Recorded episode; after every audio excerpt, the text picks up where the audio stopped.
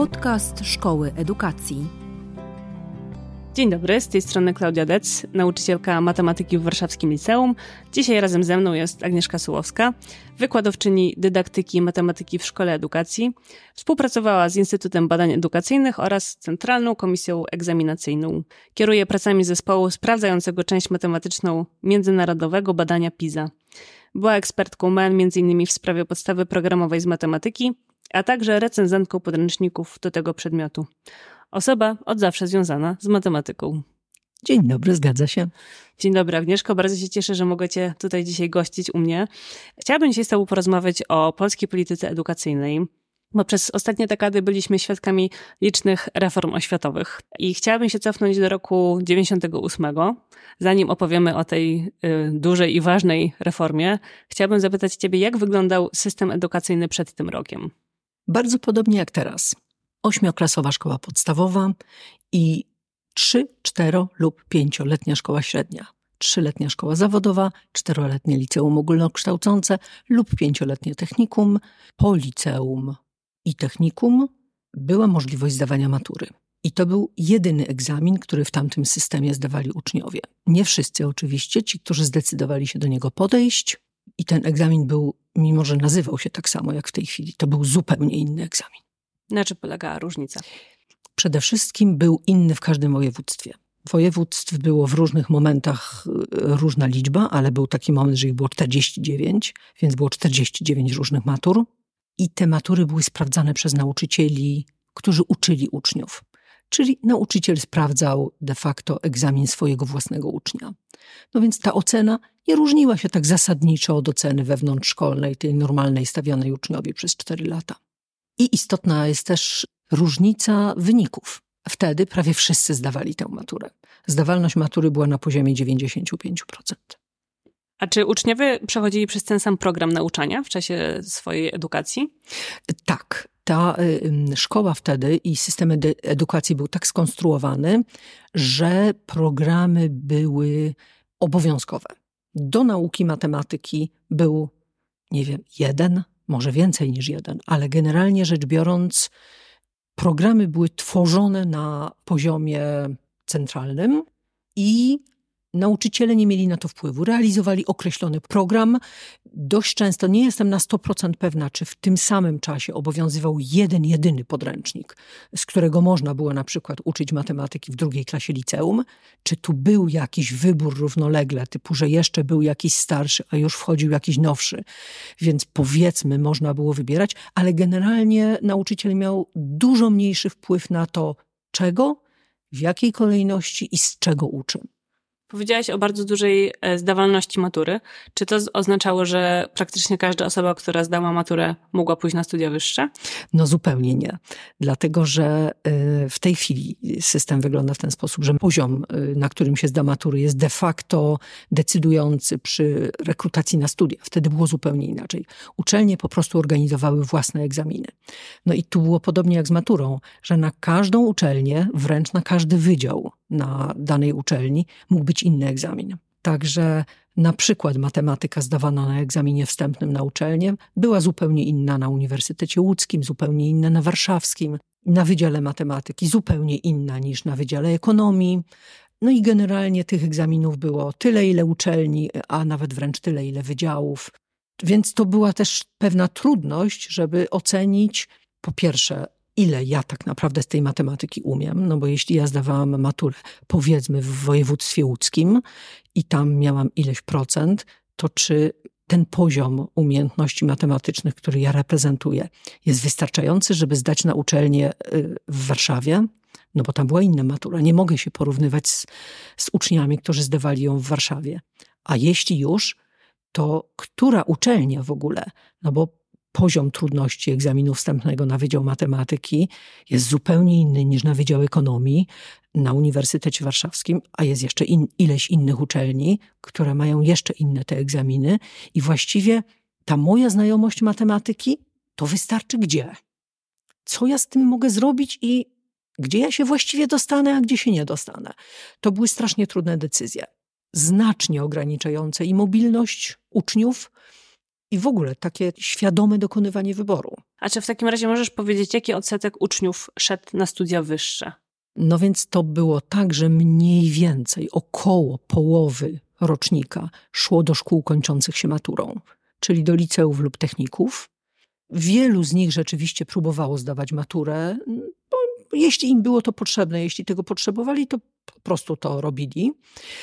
Tak jak mówię, wielu z nich zdawało tę maturę, y, tych, którzy do niej przystępowali. Natomiast zupełnie inaczej było z tymi egzaminami wstępnymi. Przez to, że ich była tak wielka różnorodność i trudno to jakkolwiek zebrać, więc trudno powiedzieć, jaki odsetek tych uczniów realnie zdawał te egzaminy. Ale suma summarum, na studia dostawało się około 10% populacji czyli z każdego rocznika co dziesiąty uczeń mniej więcej stawał, zdawał na studia. Pozostałe 90% szło albo do szkół policealnych, wcale niekoniecznie nawet pomaturalnych, tylko policealnych, albo po prostu na rynek pracy.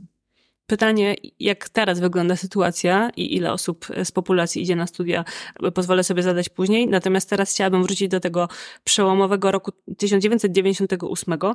Co się wtedy wydarzyło? Wtedy to był czas olbrzymich zmian i społecznych, i ekonomicznych, i na każdym polu w Polsce. No i stwierdzono właśnie, że, że system edukacji do tego nie przystaje. To jest długa analiza, jakie tam były dokładnie powody, no ale zdecydowano się zmienić system. System edukacji, tak jak wiele innych elementów naszego e, życia społecznego i gospodarczego, i kulturalnego, i politycznego się zmieniało postanowiono podzielić system na mniejsze fragmenty i wprowadzić jakieś oko, które będzie oceniało efektywność i efekty kształcenia uczniów. No więc postanowiono skrócić szkołę podstawową do 6 lat i po szkole podstawowej zrobić egzamin, tak zwany sprawdzian, który w założeniu właściwie o niczym nie decydował. Jego wpływ na cokolwiek, na przyjęcie do gimnazjum, mógł być żaden. Następne trzy lata to było gimnazjum, kończące się egzaminem gimnazjalistym. I on już miał wpływ na coś, bo na jego podstawie rekrutowało się do liceum. Do gimnazjum każdy uczeń swojego rejonowego nie musiał y, nawet przedstawiać, być może przedstawiał, ale w każdym razie był automatycznie przyjmowany do swojego rejonowego gimnazjum, niezależnie od tego, jak zdał sprawdzian. Natomiast już do liceum tak nie było. Żeby się dostać do wymarzonego liceum, trzeba było zdać egzamin gimnazjalny na odpowiednio wysokim poziomie. Więc rzeczywiście wynik egzaminu gimnazjalnego już miał na coś wpływ. No i potem było liceum, trzyletnie znów, więc system był sześć lat podstawówka, trzy lata gimnazjum, trzy lata liceum. To nie tak dawno temu się zmieniło, więc wiele osób to pamięta. No i matura już była właściwie taka w tamtym systemie, jak jest w tej chwili, już z progiem zdawalności. Egzaminu gimnazjalnego nie można było nie zdać. Jego wynik e, procentowy, który się uzyskało, miał wpływ ale nie można było go nie zdać. Matury już można nie zdać. No i oczywiście matura ma wpływ na rekrutację na uczelnię. Więc jest to jeszcze wyższy poziom, jeszcze wyższe znaczenie tej matury. Więc to tak bardzo stopniowo rosło. Natomiast jeśli chodzi o tę maturę, ona teraz wygląda w sposób dużo bardziej scentralizowany. Tak. Wszystkie egzaminy są scentralizowane. Od tego momentu, kiedy ten system został wprowadzony na przełomie wieków, wszystkie egzaminy, które wtedy wymyślono, z założenia były scentralizowane, centralnie opracowywane, centralnie prowadzone w tym sensie, że to nie była sprawa wewnątrzszkolna, przeprowadzenie egzaminów. Zawsze na egzaminie był obecny obserwator z zewnątrz i centralnie sprawdzane. Nie sprawdzane przez nauczycieli uczących uczniów z założenia. Rozumiem, że to przyczyniło się do tego, że uczelnie wyższe zniosły egzaminy wstępne. Tak jest bo można było porównywać wyniki uczniów pomiędzy różnymi województwami chociażby. Tak. Był taki moment przejściowy. Uczelnie, wiadomo, wyższe mają sporą autonomię. I był moment, kiedy uczelnie nie były zachwycone tym, że na przykład nie mogą urządzać swojego własnego egzaminu z matematyki, tudzież z czegoś innego, z czego chciały. I część uczelni tym pierwszym okresie nie zaakceptowała matury jako jedynego narzędzia rekrutacyjnego i urządzały swoje własne egzaminy. I okazało się, że, y, że to się zupełnie nie sprawdza, bo uczniowie, którzy bardzo dobrze zdali maturę i wiedzieli, że taki poziom zdawalności, taki wynik da im wstęp automatyczny na wiele uczelni, wolało wybrać tę opcję, niż ryzykować przystępując do jeszcze kolejnego egzaminu na którejś tam uczelni, która z, chciała ten egzamin y, zrobić i w efekcie tak naprawdę te uczelnie, które robiły te dodatkowe egzaminy, dostawały gorszych studentów gorszych kandydatów. Więc y, po roku czy dwóch zrezygnowały całkowicie z tego i w tej chwili jest to już chyba ustawowo przyjęte, że uczelnie nie mogą robić egzaminów z tych przedmiotów, które są sprawdzane na maturze. A powiedz mi proszę w takim razie, jak wygląda teraz sytuacja uczniów i ile z nich idzie na studia wyższe? Zasadniczo inaczej. Od tego 2000 mm, roku mniej więcej, kiedy się tak dużo zmieniało i zmienił się system, zmieniły się też bardzo z roku na rok. To się bardzo szybko działo i bardzo zasadniczo. Zmieniły się wybory uczniów już na poziomie szkoły pogimnazjalnej. O ile gimnazjum jest oczywiście obowiązkowe i idea była taka, że gimnazja będą praktycznie od siebie nieodróżnialne to się różnie udawało. W wielkich miastach one się zaczęły różnicować i to był jeden z powodów krytyki gimnazjów, ale zasadnicza idea była taka, że gimnazja miały być szkołami bardzo demokratycznie równymi i bardzo podobnymi do siebie. No ale już po gimnazjum następował ten wybór, czy uczeń idzie do liceum, czy do technikum, czy do szkoły zawodowej. I okazało się, że przytłaczająca większość uczniów, to było między 80 a 90%, wybiera szkoły kończące się maturą, po to, żeby mieć cały czas otwarte drzwi do studiowania. I okazało się, że prawie 50% populacji próbuje y, studiować. Oczywiście to nie oznacza, że taki odsetek populacji kończy studia, ale w każdym razie takie były ambicje młodzieży, ich rodziców. Pootwierały się, zresztą to był czas mm, rozwoju sieci szkół wyższych. Otwierało się bardzo wiele szkół w ośrodkach, które do tej pory nie miały absolutnie żadnych tradycji akademickich, co też powodowało, że młodzież z mniejszych ośrodków, która nie miała środków finansowych, odwagi, wsparcia społecznego, żeby rekrutować się do uczelni w wielkich miastach, te uczelnie przyszły do nich, do tych mniejszych miejscowości. I oni wykorzystali tą szansę i chcieli się kształcić dalej. I to była no, duża zmiana, taka właśnie społeczna, że tak wiele osób próbowało się uczyć.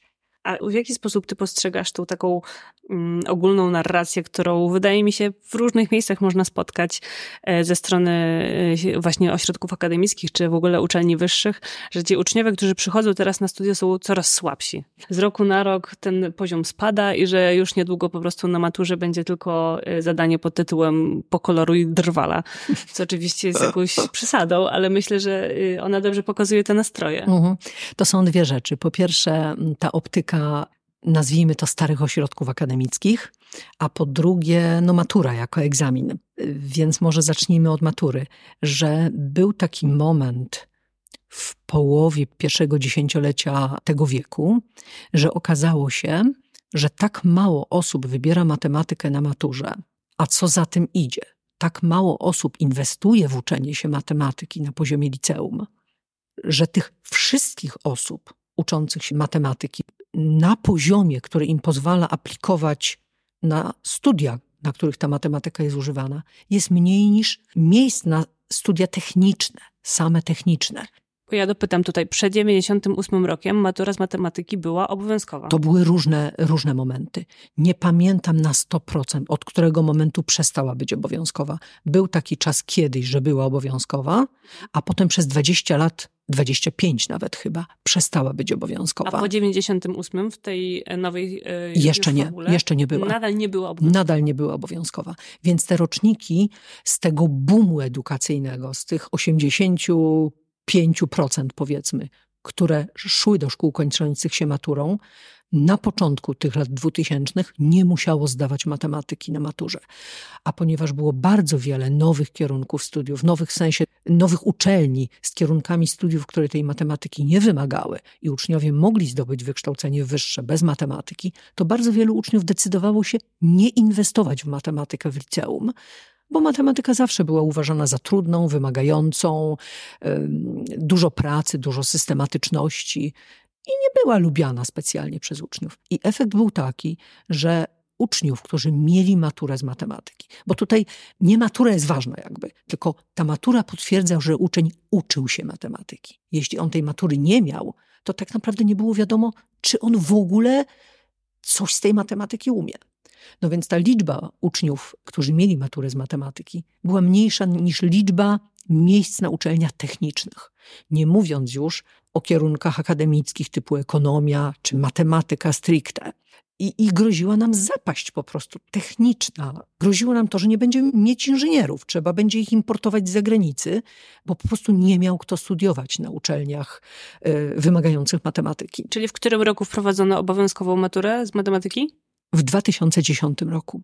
Oczywiście mm, do tego prowadziło ileś lat przygotowań, w których trzeba było zdecydować, jak właściwie taka obowiązkowa matura ma wyglądać, bo ona oczywiście musiała być dostosowana poziomem trudności, możliwości, charakterem zadań do populacji, która ją będzie pisać.